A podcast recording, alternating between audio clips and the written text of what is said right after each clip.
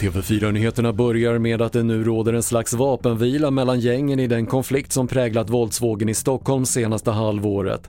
SVT rapporterar att ett mass-sms ska ha skickats ut inom den kriminella miljön om att en gräns är passerad och att man inte ska skjuta anhöriga. Parallellt med turerna kring det svenska NATO-medlemskapet kräver nu Ukrainas president Volodymyr Zelensky ett tydligt besked om ett ukrainskt medlemskap. Han menar att NATO-ledarna bör skicka tydliga signaler om det i samband med mötet i Vilnius nästa vecka. Regeringen och Sverigedemokraterna är överens om nya riktlinjer för den friskoleutredning som S-regeringen tillsatte. Direktiven som presenteras senare idag kommer bland annat innehålla vinstförbud eller vinstbegränsning.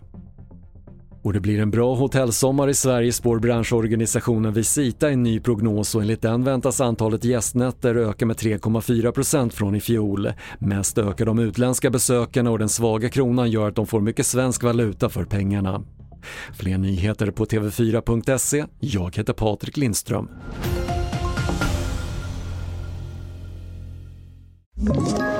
Ett poddtips från Podplay. I fallen jag aldrig glömmer djupdyker Hasse Aro i arbetet bakom några av Sveriges mest uppseendeväckande brottsutredningar.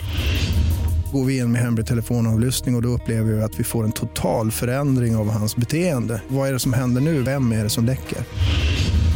Och så säger han att jag är kriminell, jag har varit kriminell i hela mitt liv men att mörda ett barn, där går min gräns. Nya säsongen av Fallen jag aldrig glömmer på Podplay.